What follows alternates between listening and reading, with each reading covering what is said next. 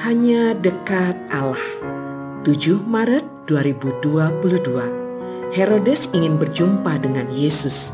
Lukas 9 ayat 7 sampai 9. Herodes raja wilayah mendengar segala yang terjadi itu dan ia pun merasa cemas.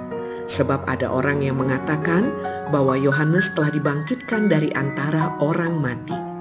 Ada lagi yang mengatakan bahwa Elia telah muncul kembali dan ada pula yang mengatakan bahwa seorang dari nabi-nabi dahulu telah bangkit.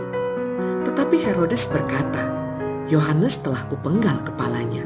Siapa sebenarnya dia ini yang kabarnya melakukan hal-hal demikian? Lalu ia berusaha supaya dapat bertemu dengan Yesus.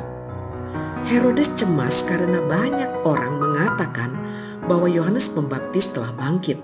Kabar itu sungguh menggelisahkan hatinya. Dia sendiri sayang dan hormat kepada Yohanes Pembaptis.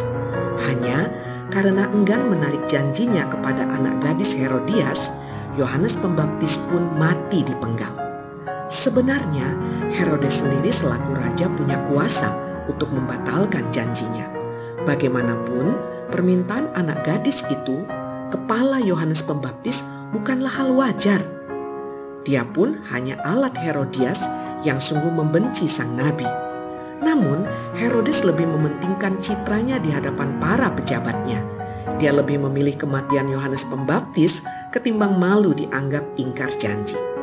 Catatan Lukas bahwa Herodes berusaha bertemu Yesus sungguh menarik. Kita tidak tahu apa alasannya. Bisa jadi Herodes pun ingin berubah, namun keinginan itu tinggal keinginan. Akhirnya Herodes bertemu Yesus Sayangnya, itu adalah pertemuan antara hakim dan terdakwa. Bahkan Herodes menghina dan mengolok-olok Yesus. Lukas 23 ayat 11. Seandainya Herodes sungguh-sungguh berupaya bertemu Yesus, kemungkinan besar hidupnya menjadi berbeda. Salam semangat dari kami, literatur perkantas nasional. Sahabat Anda bertumbuh